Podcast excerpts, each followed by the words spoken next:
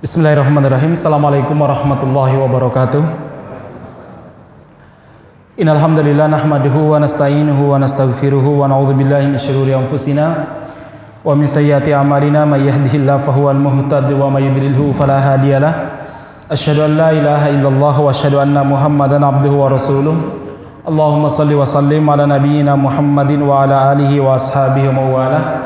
Rabbi israh li sadri wa yassir li amri wa hlul 'uqdatam min lisani yafqahu qawli. Allahumma anfa'na bima 'allamtana wa 'allimna ma yanfa'una wa zidna ilman wa ba'd. Ayolah ahbab, bapak-bapak, ibu-ibu yang mudah-mudahan dirahmati Allah Subhanahu wa taala.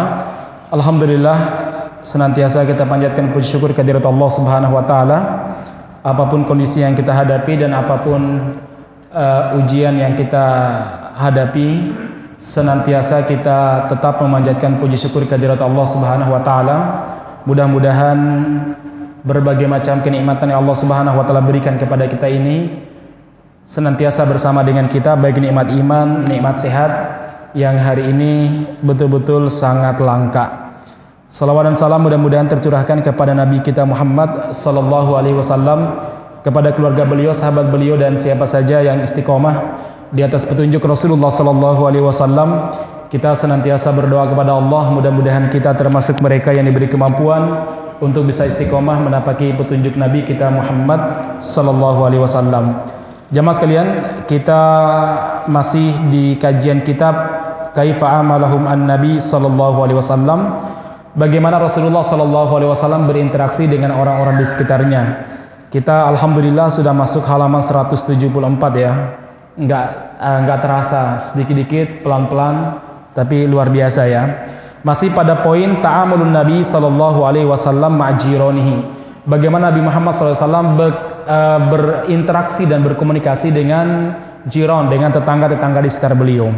Baik, um, kita masuk pada poin berikutnya. Wabayana anna khairul jiron khairuhum li jarihi. Nabi Muhammad SAW uh, menjelaskan kepada kita bahwa sebaik-baiknya tetangga adalah orang yang paling baik pada tetangganya. Artinya apa? Kalau kita bertanya tetangga mana yang paling baik, bukan pada banyaknya ibadah dia, tapi dia menyakiti tetangganya, tetapi apa? Ketika dia baik sama tetangganya dan tentu saja baik juga kepada Allah Subhanahu wa taala. Ini ada sebuah hadis dari Abdullah bin Umar, Abdullah bin Amri radhiyallahu anhuma qala qala Rasulullah sallallahu alaihi wasallam Nabi Muhammad sallallahu alaihi wasallam bersabda, "Khairul ashab indallahi khairuhum li sahibihi." Sahabat yang paling baik di mata Allah adalah orang yang paling baik pada sahabatnya. Wa khairul jirani indallah khairuhum li jarihi. Dan sebaik-baiknya tetangga di mata Allah adalah orang yang paling baik pada tetangganya. Soal lagi, khairul ashab li ashabihi indallah Sebaik-baiknya, sebaik-baik sahabat di mata Allah Subhanahu wa taala adalah orang yang paling baik pada sahabatnya. Wa khairul jiran indallah khairum li jarihi. Dan sebaik-baiknya tetangga di mata Allah adalah orang yang paling baik sama tetangganya. Nah, uh, jamaah sekalian yang mudah-mudahan dirahmati Allah Subhanahu wa taala, ini tentang begitu pentingnya kita menghormati tetangga. Kemarin saya sudah menyampaikan banyak hal terkait masalah tetangga salah satunya surga dan neraka itu ditentukan salah satunya dengan baik buruknya perilaku kita kepada tetangga kita. Nah, di sini Rasulullah Shallallahu alaihi wasallam menjelaskan bahwa orang yang paling baik ya, sahabat yang paling baik adalah sahabat yang paling baik sama sahabatnya. Dan tetangga yang paling baik adalah tetangga yang paling baik sama tetangganya. Nah, jamaah sekalian uh, yang mudah-mudahan dirahmati Subhanahu wa taala, di sini disebutkan uh, di antara bentuk kebaikan kita sama tetangga adalah satu kaful ada tidak menyakiti tetangga. Jelas kalau ini ya. Yang kedua balik ihtimalil ada bahkan bersabar atas perilaku tetangga yang buruk. Ini bagian daripada bertetangga yang baik ya. Jadi kalau tadi tidak boleh menyakiti kalau ini disakiti tetangga sabar ya Kemudian selanjutnya minar rifki. Yang kedua, yang ketiga, kita harus berlaku sopan santun sama tetangga. Selanjutnya wa isda'il khairi wal ma'ruf. Kemudian memberikan kebaikan apa pun yang kita miliki untuk mereka. Di antara bentuk kebaikan tersebut adalah ayyabda bisalam. Kalau berjumpa dengan tetangga, kita memulai memberikan salam, jangan minta disalamin. Memulai menyapa, jangan minta disapa dulu. Walaupun mungkin secara umur atau mungkin secara strata sosial atau mungkin secara kedudukan jabatan dan lain sebagainya kita mungkin lebih daripada tetangga kita tetapi bagian daripada kebaikan berbuat sama tetangga adalah kita memulai menyapa mereka tanpa harus menunggu sapaan mereka dan memberikan salam kepada mereka tanpa harus menunggu salam dari mereka. Kemudian selanjutnya wa ya'uduhu fil marad. Di antaranya di antara bentuk kebaikan yang kita bisa perbuat kepada tetangga kita yaitu menjenguk mereka saat sakit. Kecuali sakit corona ya yang tidak bisa dijenguk tentunya ya kemudian wa yu'azzihi indal musibah menghiburnya tak kala dia dirundung oleh musibah musibah baik musibah terkait masalah kesehatan musibah terkait masalah keluarga kecelakaan dan lain sebagainya maka kita sebagai seorang muslim dan kita sebagai tetangga kita harus me, apa namanya menghibur dia. Wa yuhanni'ahu indal farah. Di antara hak tetangga dan bentuk perbuatan baik sama tetangga adalah mengucapkan selamat kalau dia itu lagi gembira. Dia istrinya baru lahiran. Kita harusnya menjadi orang yang pertama kali nelpon dia, WA dia selamat atas kelahiran bayinya syukur-syukur dilanjutkan dengan doa barakallahu laka fil mauhub bilaka wa syakartal wahib wa balaga syudda wa dan lain sebagainya. Nah, jamaah sekalian, uh, jadi sekali lagi ini bagian daripada cara berbuat baik sama tetangga yaitu yuhanniahu indal farah. Kita memberikan ucapan selamat atas kebahagiaan yang didapatkan. Ketika anaknya lulus dari kuliah, berikanlah ucapan selamat ketika dia sembuh dari sakit berikanlah ucapan selamat ini sekali lagi di antara tata cara Nabi Muhammad SAW membangun komunikasi dengan tetangga-tetangga di sekitarnya sehingga tetangga-tetangganya itu merasa senang dengan keberadaan Nabi Muhammad SAW seakan-akan mereka adalah orang yang paling istimewa di mata Rasulullah SAW Bayangkan kalau beliau kalau tetangga yang sedih, Nabi Muhammad SAW menghiburnya. Kalau tetangganya itu sakit, Nabi Muhammad SAW datang menjenguknya. Dan kalau tetangga tersebut mendapatkan kebahagiaan, beliau tidak iri dan kita juga harus demikian. Tetapi justru Nabi Muhammad SAW apa? Memberikan ucapan selamat kepada tetangga-tetangga beliau yang mendapatkan kebaikan dan kebahagiaan. Ketika cucunya lahir, ucapkanlah selamat kepada dia. Ketika dia berhasil melunasi rumahnya misalkan ya, ucapkanlah selamat selamat sekarang jadi tetangga saya yang sebenarnya. Kalau dulu mungkin setengah-setengah ya. Baik, ya kayak sekarang lah pemberlakuan aturan apa PPKM ya. Setengah-setengah. Saya saya masih begini, rumah ibadah ditutup tapi proyek dan konstruksi dan lain sebagainya tetap jalan. Iya. Saya jadi bingung gimana nih caranya ya. Dan saya baca terbaru kalau Pak Mas Gibran memperbolehkan mall buka ya. Udahlah, biar perang sama bapaknya. Nah, jemaah sekalian selanjutnya wa yusyarikahu as-surura bin ni'mati. Kemudian melibatkan diri dalam kebahagiaan yang dirasakan oleh tetangga kita. Jangan sampai tetangga kita ini bahagia, kita yang sedih tetangga kita yang senang, kita yang senang. Kalau mereka bahagia, ikutlah bahagia bersama dengan mereka. Saat mereka berhasil untuk misalkan ya, mereka bisa uh, membeli mobil baru atau membeli mungkin motor baru, bahagialah bersama dengan kebahagiaan mereka. Jangan kemudian kita iri, ah paling sebentar lagi motornya tabrakan sama atau apalah ya. Ini nggak dibenarkan. Kemudian selanjutnya wa yatazawaju zillatihi kita juga dalam bertetangga memaafkan kesalahan-kesalahan yang dilakukan oleh tetangga kita. Kemudian berikutnya saya akan jelas berikutnya wa an maharimihi termasuk adalah apa? Kita me, menundukkan pandangan dari tetangga-tetangga kita yang bukan mahram, mungkin istrinya, ataupun mungkin anak gadisnya sudah dewasa dan lain sebagainya. Wa yahfadu alaihi darihi in goba di antara hak tetangga adalah menjaga rumahnya ketika dia bepergian jauh.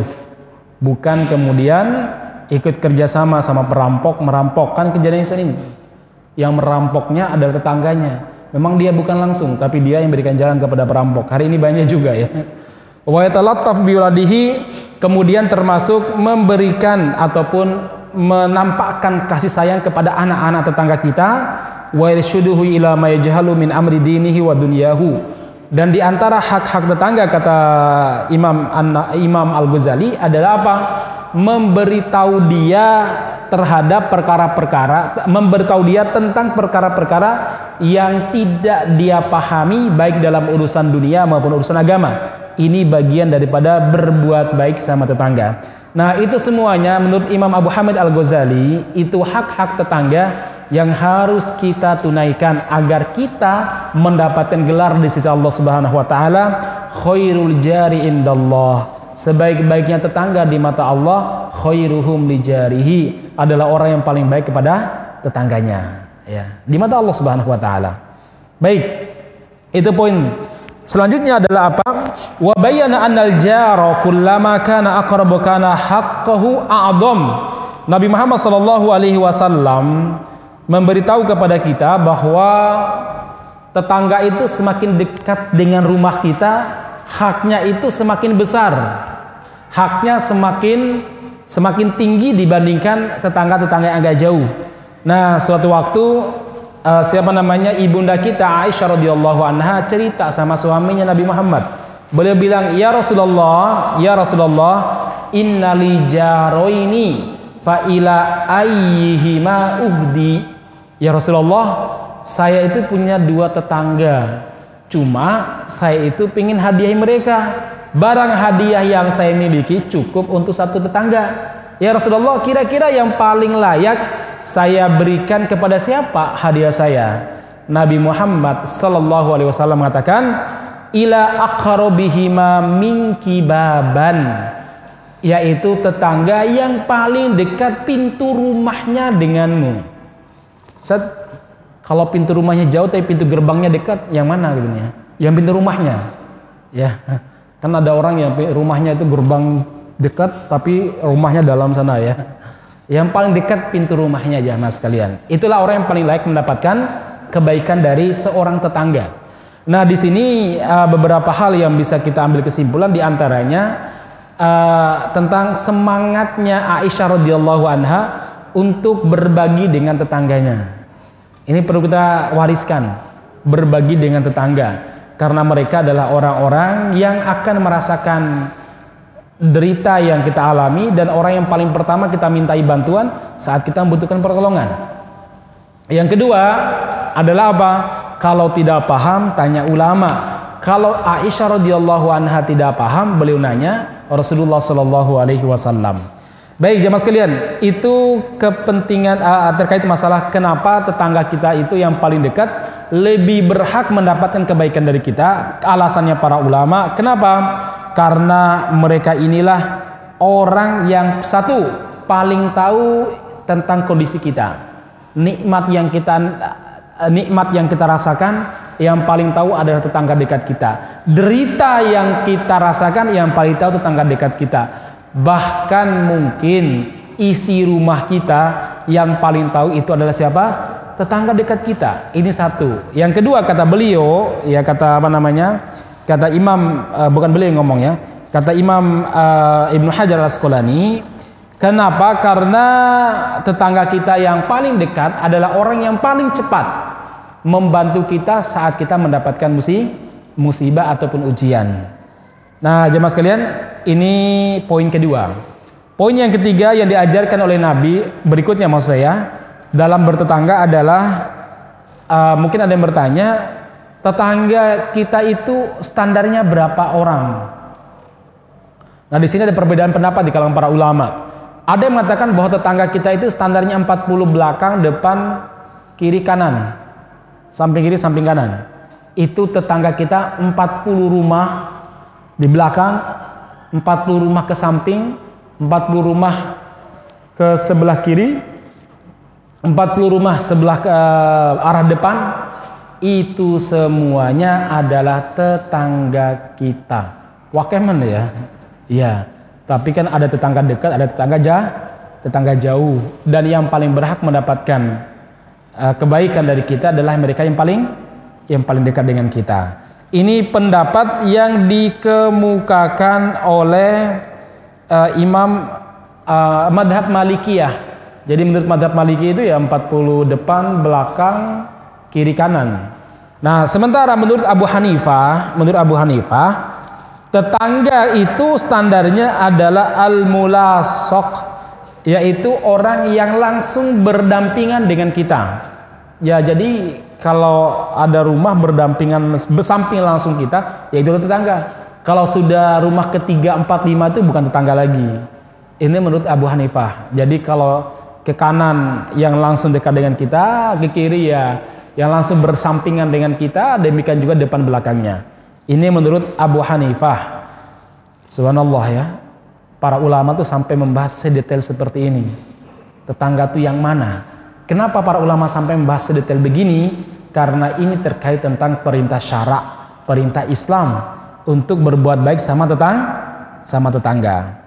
Kemudian uh, kalau menurut sebagian ulama yaitu orang yang kalau kamu berteriak suaramu kedengaran.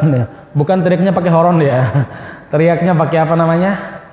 Pakai suara ya. Kita bilang ah mas nah kalau dia denger itu mau rumah dua tiga empat oh itu masih tangga kita tapi kalau udah nggak dengar maksudnya karena telinganya normal gitu ya kalau udah nggak dengar berarti bukan sudah bukan sudah tetangga kita udah ya. Ini standar menurut sebagian para ulama. Ya, sejauh mana suara kita terdengar, sejauh itu pula tetangga kita. Nah, berarti yang paling keras suaranya paling banyak tetangganya, gitu ya. yang paling keras suaranya paling banyak tetangganya nih ya. Berarti kewajiban dia makin banyak juga. Wakila Sebagian para ulama berpendapat bahwa tetangga itu adalah orang yang sholat subuh bersama dengan kamu di masjid. Ini orang sholat subuh walaupun berdampingnya orang tetangga gitu ya. Kecuali kalau dia kafir ya. Kalau dia kafir ya nggak mungkin sholat, tapi tetap tetangga kita.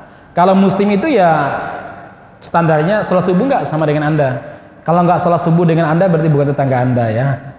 Baik, wal akrab uh, menurut pendapat uh, Syekh Solal Munajid dari sekian pendapat tersebut menurut beliau yang paling logis adalah disesuaikan dengan uruf apa uruf tradisi.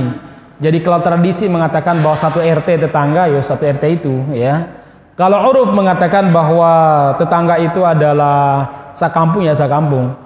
Tapi kalau menurut tradisi berlaku di tengah masyarakat kita, tetangga adalah dua rumah ke depan, belakang, kiri, kanan, ya itulah tetangga. Jadi standarnya adalah apa? standarnya adalah uh, kebiasaan yang terjadi di tengah masyarakat, adat masyarakat. Ini kita tanggapan boten ya. Kan ada sebagian masyarakat itu satu RT itu ya tetangga. Tapi masyarakat kota itu tetangga itu ya samping samping rumah pas. Ya, di belak udah kalau udah udah diselangi satu rumah ya bukan tetangga kan begitu kalau masyarakat kota. Bahkan kadang saking egoisnya samping rumah saja nggak dianggap sebagai tetangga. Orang semakin kota itu kadang semakin egois terkait masalah, masalah hubungan pertetanggaan. Beda kalau orang, orang kampung. Kalau orang kampung kan luar biasa kan, ya. Orang kampung saat kampung ya tetangga. Kalau ada yang ngerewang ya kabeh semuanya ikut ngerewang ya. Baik masalah muslimin, uh, itu terkait batasan tetangga. Poin ketiga ya. Poin berikutnya adalah wahatha ala ihda'il jiran liba'dihim walau bisyai al yasir. Nabi Muhammad sallallahu alaihi wasallam me menyemangati kita, memotivasi kita untuk saling berbagi sesama tetangga. Walaupun dengan barang yang nilainya mungkin tidak seberapa. Nah, orang yang berbagi, berbagilah walaupun dengan barang yang tidak seberapa. Orang yang menerima tidak boleh meremehkan hadiah dari tetangganya. Walaupun kata Nabi Muhammad SAW sebuah hadis, Ya nisa al muslimat Wahai wanita-wanita muslimah, ibu-ibu, la tahkiran najaratun li jaritiha walau farosna syatin. Wahai wanita-wanita muslimah, kalian tidak boleh meremehkan tetangga kalian walaupun dengan kuku kambing. Jadi kalau masak masak sop kaki kambing ya ya itu mah enak ya kukunya tuh itu ya hadiahkan walaupun maksud begini mungkin kalimat itu kalimat mubalaghah ya kalimat majas. Tetapi Nabi Muhammad SAW hendak memberitahu kepada kita satu hendaklah kita berbagi dengan tetangga kita semampu yang kita miliki. Satu dan gak boleh meremehkannya. Yang kedua kita kalau diberi hadiah sama tetangga kita walaupun satu buah apel atau satu buah salak misalkan ya Udah terima saja, Anda nggak boleh meremehkannya. Yang memberi tidak boleh meremehkan pemberian, yang menerima tidak boleh memberikan meremehkan apa yang di apa yang diterima. Ini enak kalau sudah seperti itu. Soalnya kalau ini sikap nggak pernah kita bangun, akhirnya kita itu nggak pernah berbagi sama tetangga kita. Nunggu yang bagus. Kan kadang terutama ibu-ibu ini ya, mau berbagi apa tuh? Masa gini mas? Ah, cuma sepiring doang, buat tambah mana masnya? Udah semampu begitu ya begitulah kita berikan. Nah kepada yang samping, yang samping nggak boleh meremehkan apa yang diberikan sama tetangganya.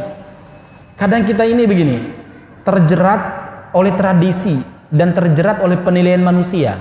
Akhirnya tidak bisa berbagi. Berbagi mungkin sekali sebulan atau mungkin bahkan sekali setahun pas Ramadan toh.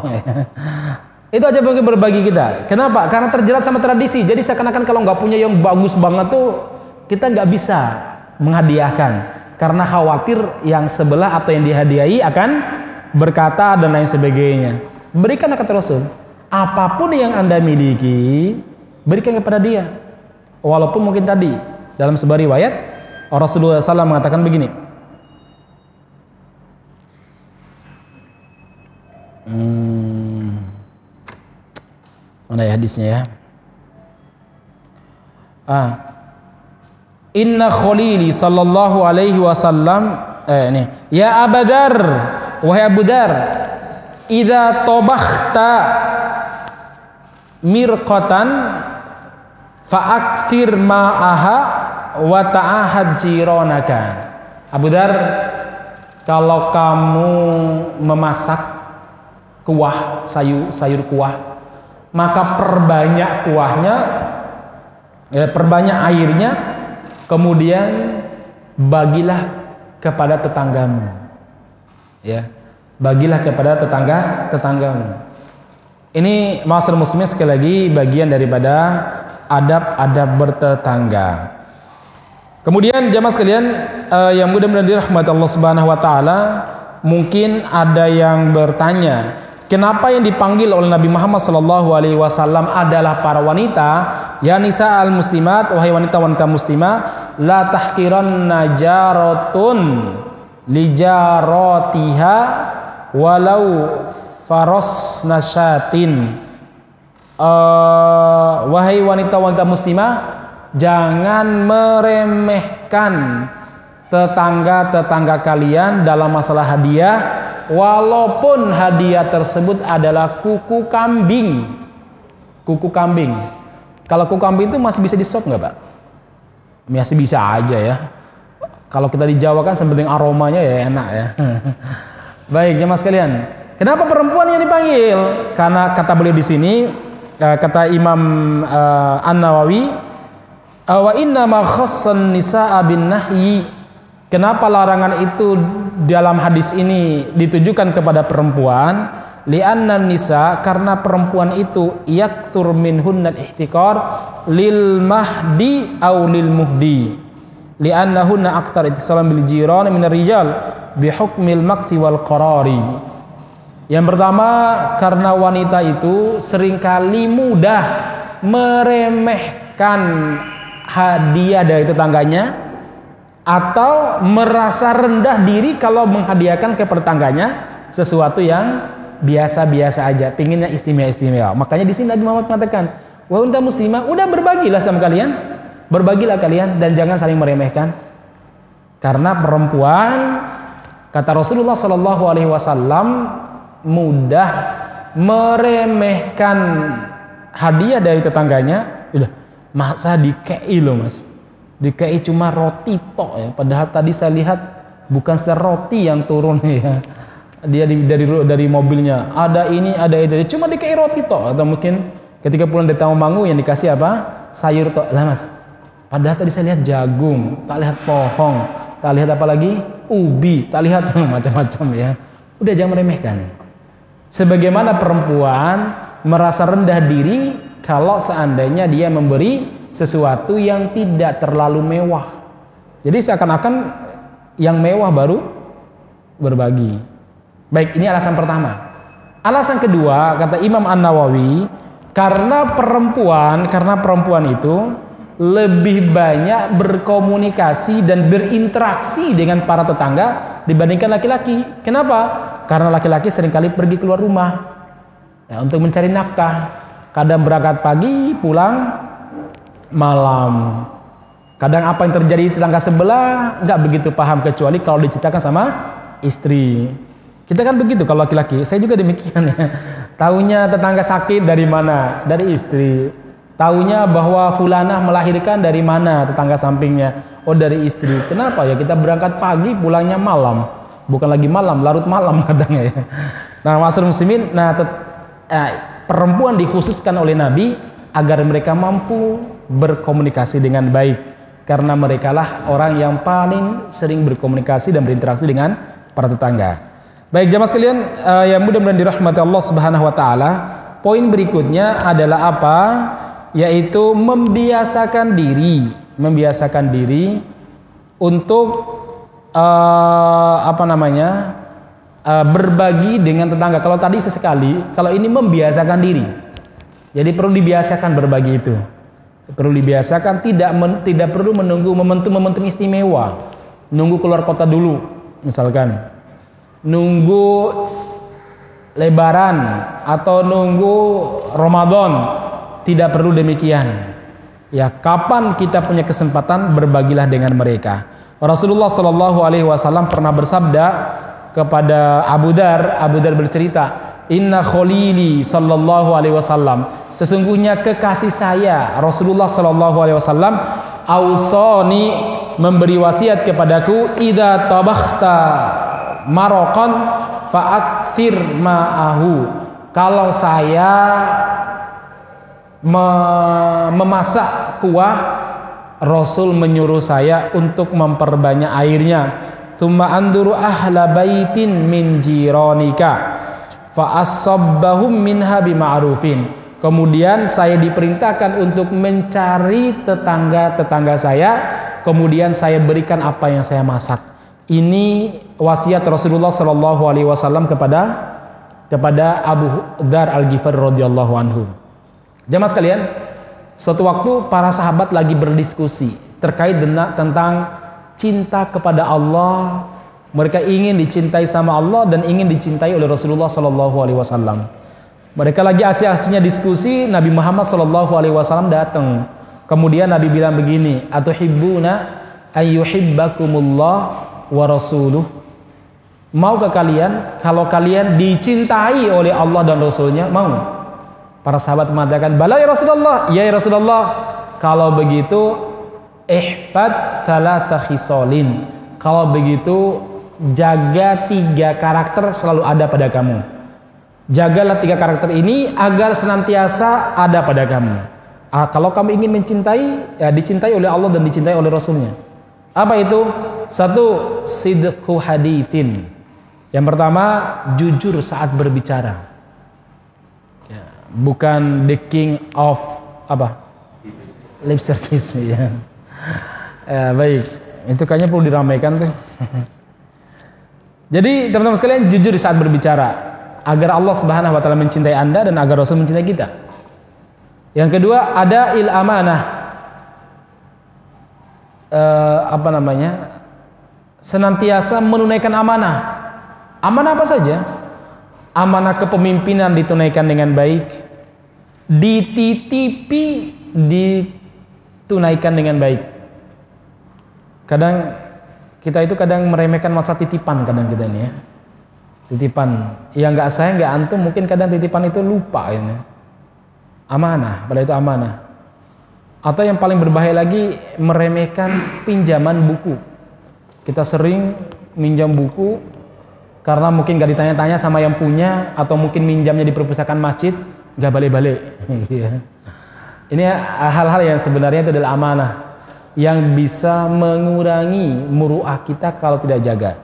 Mengurangi apa namanya nilai kita di mata manusia, apalagi di mata Allah dan di mata Rasulnya. Baik, yang ketiga kata Rasulullah husnijar hendaklah kalian itu uh, berbuat baik sama tetangga. Kenapa? Fa inna sayal say, uh, fa inna musa atal jari karena berlaku buruk sama tetangga tamhu al hasanati akan menghancurkan ataupun akan menghapus kebaikan-kebaikan kita kama tamhus al jalida sebagaimana matahari itu menghabiskan bongkahan es jadi kan ada bongkahan es ya nah bongkahan es itu kalau disinari oleh matahari lama kelamaan mencair Demikian juga lah perbuatan buruk sama tetangga itu akan mencairkan, menghilangkan kebaikan-kebaikan kita. Nah, ini masalah muslimin. Baik, jemaah sekalian uh, yang mudah yang mudah-mudahan dirahmati Subhanahu wa taala. Uh, Nabi Muhammad SAW juga pernah bersabda dalam hadis riwayat Tobroni, hadisnya sahih, "Ma uh, tidak beriman kepadaku, tidak beriman kepadaku man bata syaba'an." orang yang malam harinya dia tidur dalam keadaan kenyang wajaruhu ja'iun janbihi wa ya'lam. Padahal tetangga di samping rumahnya kelaparan dan dia ngerti kalau tetangganya lah lapar. Orang ini tidak beriman kepada apa yang aku bawa kata Rasulullah sallallahu alaihi wasallam. Nah jemaah sekalian uh, yang mudah-mudahan dirahmati Allah Subhanahu wa taala jadi sekali lagi kebiasaan itu kebiasaan berbuat baik sama tetangga itu menjadi kebiasaan para sahabat pada sejak zaman Nabi Muhammad Sallallahu Alaihi Wasallam. Mereka terbiasa makan apa nanti ngundang Nabi, ya makan apa nanti ngundang siapa. Sampai disebutkan para sahabat tuh nggak biasa makan siang dan makan malam itu sendiri tuh nggak biasa. Mereka pasti manggil orang. Disebutkan dalam sebuah riwayat yang saya dengar dari para masyayikh bahwa para sahabat ketika habis zuhur itu kadang berdiri di depan pintu. Ada berapa orang berdiri ngapain? manggil orang untuk diajak makan siang bersama. Mas, yuk makan siang di rumahku yuk. Istri kebetulan masak apa namanya? Masak pete misalkan ya. Atau masak daging, yuk ke rumah yuk. Udah. Nanti mungkin dia bawa dua orang. Nanti yang lain lagi ngajak, yuk ke rumah saya loh.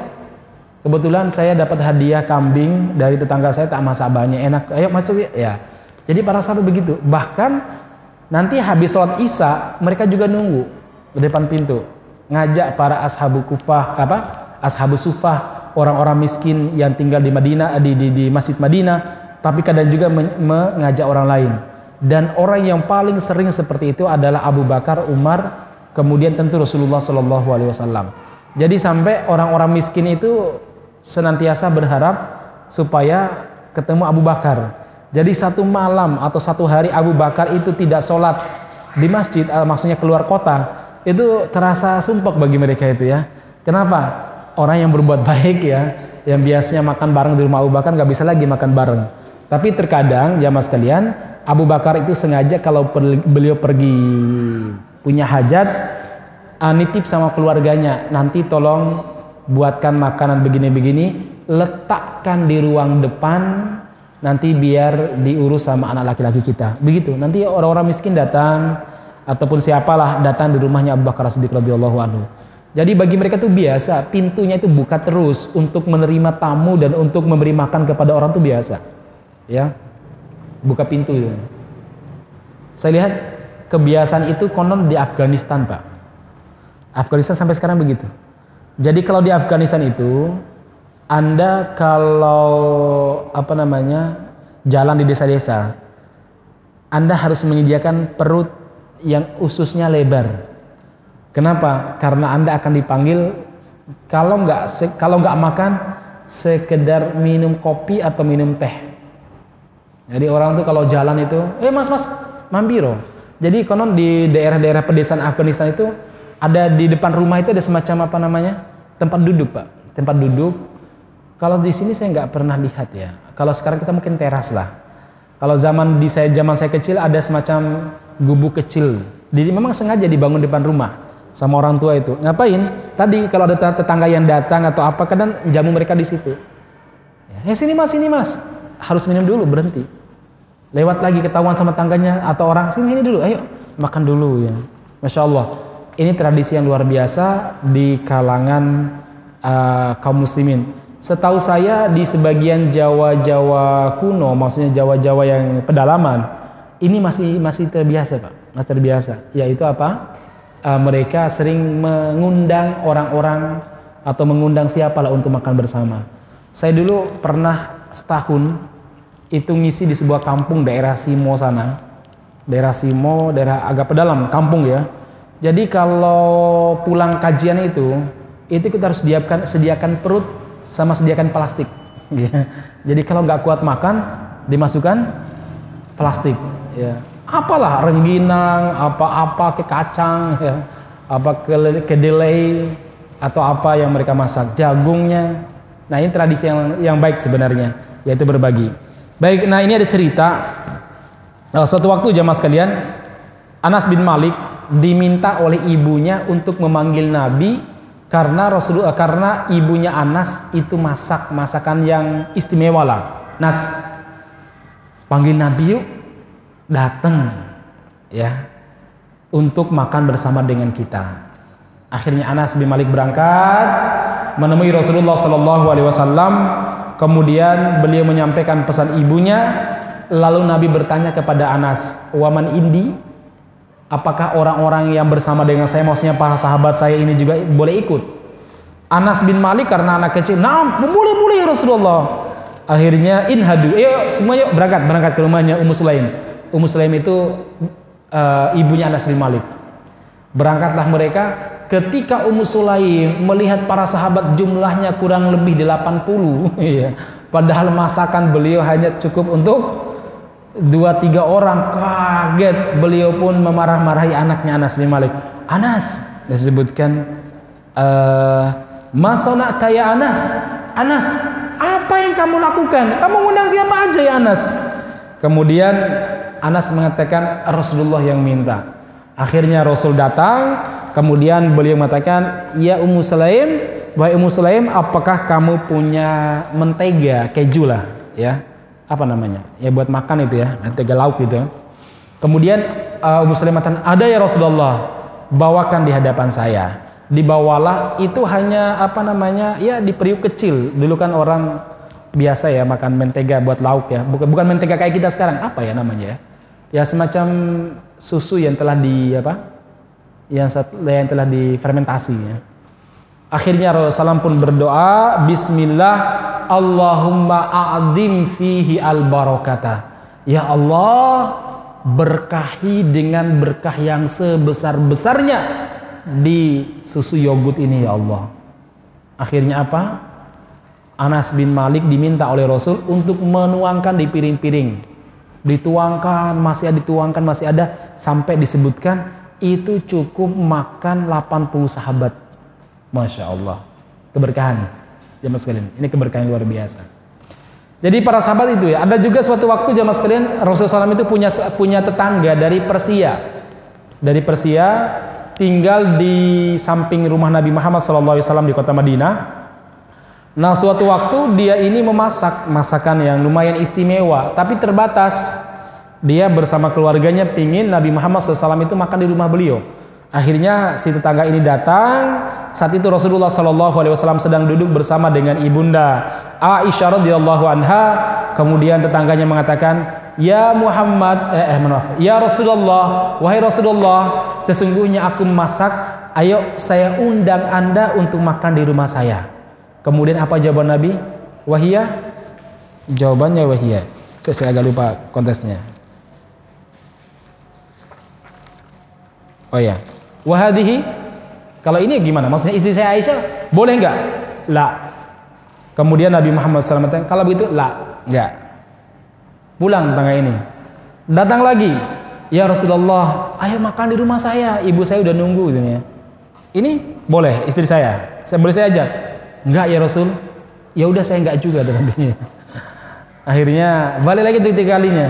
Ya Rasulullah, ini ibu saya sudah nunggu anda ya Rasulullah. Ayo makan di rumah saya. Ini boleh ikut nggak? Boleh ya Rasulullah. Ayo kita berangkat. Nah jemaah sekalian, uh, ini tradisi para sahabat mengundang orang untuk makan bersama dengan mereka. Mungkin ada yang bertanya kenapa tetangga dari Persia itu nggak mau ngajak Aisyah? Karena dia khawatir apa namanya makanannya nggak makanannya nggak mencukupi ya makanan nggak mencukupi jadi bukan karena benci sama Aisyah nggak mungkin mereka benci sama uh, Aisyah radhiyallahu anha nah jamaah sekalian uh, yang mudah-mudahan dirahmati Allah subhanahu wa taala uh, bahkan jamaah sekalian bagaimana menjaga tetangga itu suatu waktu sampai saat Ummu Salamah sedang satu selimut dengan Rasulullah Sallallahu Alaihi Wasallam tiba-tiba ada kambing tetangganya masuk ke dalam rumahnya Ummu Salamah. Maklum dulu gak ada pagar. Gak sebagian rumah kita sekarang, masya Allah pagarnya pagar pagar besi, udah begitu pakai sensor lagi masuknya ya. sensor ya. Jadi kalau bukan suhu kita nggak bakal terbuka. Karena ada yang kayak gitu juga sekarang. Nah, jamaah sekalian, masuk. Kemudian kambing ini makan namanya rumah Nabi kan kecil ya langsung makan roti yang ditaruh oleh Ummu Salamah oleh Ummu Salamah di dekat pintu. Lalu Ummu Salamah pun merebut roti tersebut dari mulutnya kambing. Ya. direbut. Akhirnya apa jawaban Nabi Muhammad SAW Ya Ummu Salamah maka yang bagi laki antu annifiha innahu la qalila min adal jari. Wahai Ummu Salamah Kenapa kamu mengambil roti itu? Toh itu sesuatu yang nggak begitu besar. Kamu nggak boleh menyakiti kambing itu. Sampai kambing tetangga boleh sakiti gara-gara rebut ngambil loh ya. Kenapa? La kaulila min adal jari. Sesungguhnya menyakiti tangga itu bukan dosa besar, bukan dosa kecil. Ya, bukan dosa kecil. Di sini sebutkan ayat adal jari li jari ghairu maghfurun wa in kana qalilan huwa law in kana qadar lakinna kathirul wizr. Uh, jemaah sekalian, maksud, maksudnya kata beliau di sini uh, menyakiti tetangga itu walaupun sedikit tidak akan diampuni oleh Allah Subhanahu wa taala. Walaupun mungkin memukul apa namanya? memukul kambingnya aja. Memukul kambing itu kan dikit ya. Dan kambingnya salah sebenarnya. Ya, memukul kambing itu secara nilai itu dikit, tapi dosanya itu besar karena menyakiti tetang menyakiti tetangga. Nah, bagaimana kalau kambingnya bermasalah? Ya itu kan kasusnya cuma sekali dua kali. Kalau setiap hari kambingnya datang berarti tetangganya perlu diingatin ya. Atau kita punya tetangga tapi dia apa punya ayam, setiap hari ayamnya itu berak di depan emperan kita ya itu bermasalah. Nek sekali-sekali ya itu wajar ya. Tapi kalau sampai tiap hari kita harus membersihkan, harus ngepel terus ya, itu berarti tetangganya perlu diingatkan jangan sampai menyakiti tetangganya. Baik jemaah sekalian, uh, yang mudah-mudahan dirahmati Subhanahu wa taala. Yang terakhir ini kita akhiri saja untuk bab terkait masalah tetangga. Saya bacakan. Yang berikutnya jemaah sekalian, uh, Nabi Muhammad sallallahu alaihi wasallam menjadikan baik buruknya seseorang itu dengan eh, neraca baik buruknya seseorang adalah baik buruknya dia terhadap tetangganya.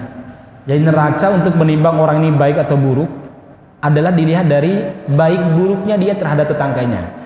Ini ada hadis ya mas kalian.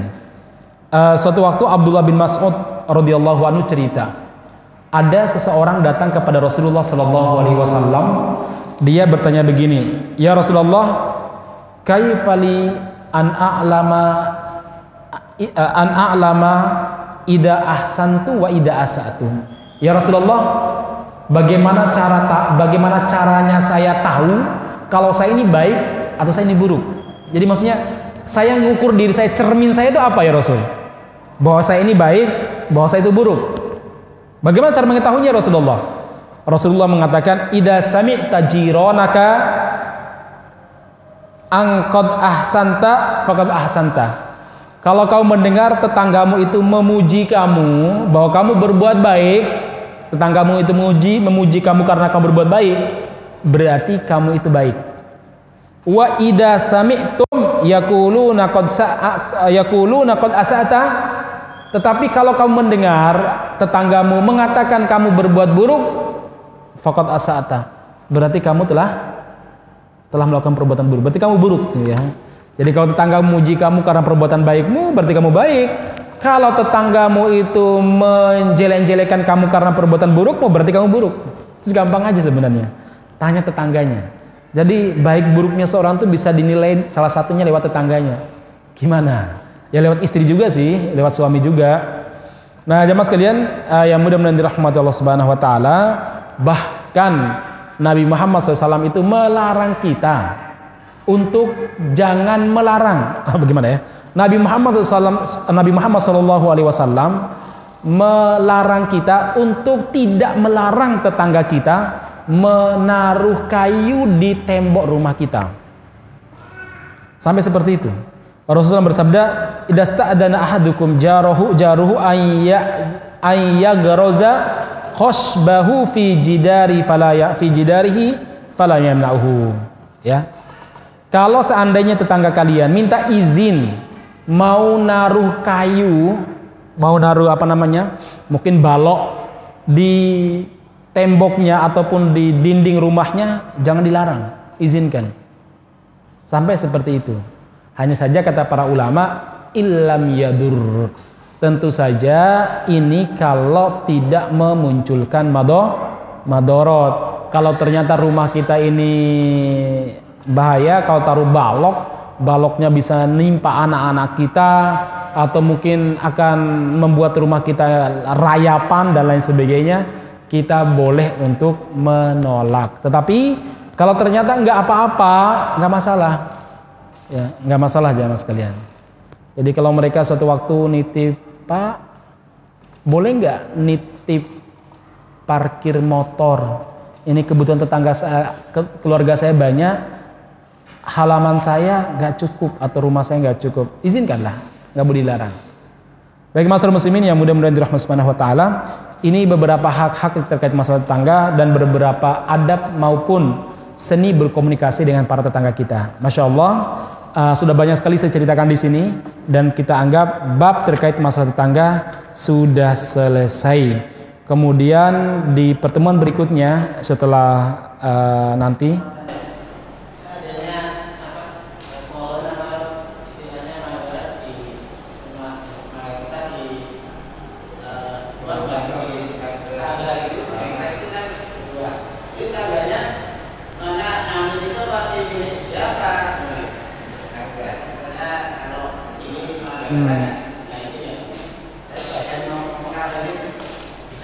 Baik. Adab kita yang punya pohon merelakan karena bagaimanapun tetangga kita merasakan susahnya. Minimal apa namanya? nyapunya ya. Ada tetangga kita sebelahnya harusnya minta izin sama kita. Jadi masing-masing ada ada adabnya. Kan begitu Pak ya? Ya, ya saling merelakan aja lah gitu ya. Mas, nanti kalau ada mangga diambil nggak masalah ya. Tapi yang di situ aja ya. Malu kalau ngomong gitu ya. Soalnya ada tetangga yang rodo-rodo eh, rodo-rodo nakal itu malah yang ngambil bukan itu aja di dalam juga. Lo kata kemarin boleh. Jadi tafsirnya itu dilebarkan ya. Makanya sekali lagi itu satu. Yang kedua tentu sesuai tradisi. Tradisi di masyarakat seperti apa, itulah yang kita lakukan. Begitu ya. Baik barakallahu fiikum Subhanakallah rabbana bihamdika asyhadu an la ilaha illa anta astaghfiruka wa atubu. Selamat berjumpa lagi insyaallah dua pekan ke depan. Mudah-mudahan semuanya sehat walafiat ya. Uh, mudah-mudahan sekali lagi bisa menjaga kesehatan, saling mendoakan. Assalamualaikum warahmatullahi wabarakatuh.